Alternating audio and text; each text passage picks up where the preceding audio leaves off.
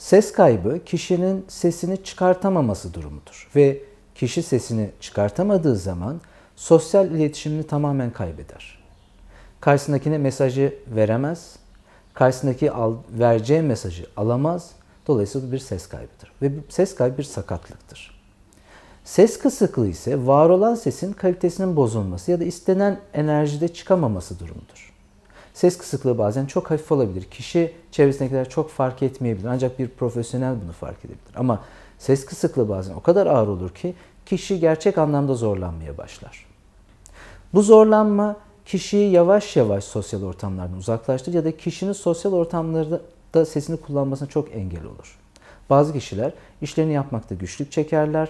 Bazı kişiler ise gerçek anlamda ailevi ortamlarda, profesyonel ortamlarda zorlanmaya başlarlar.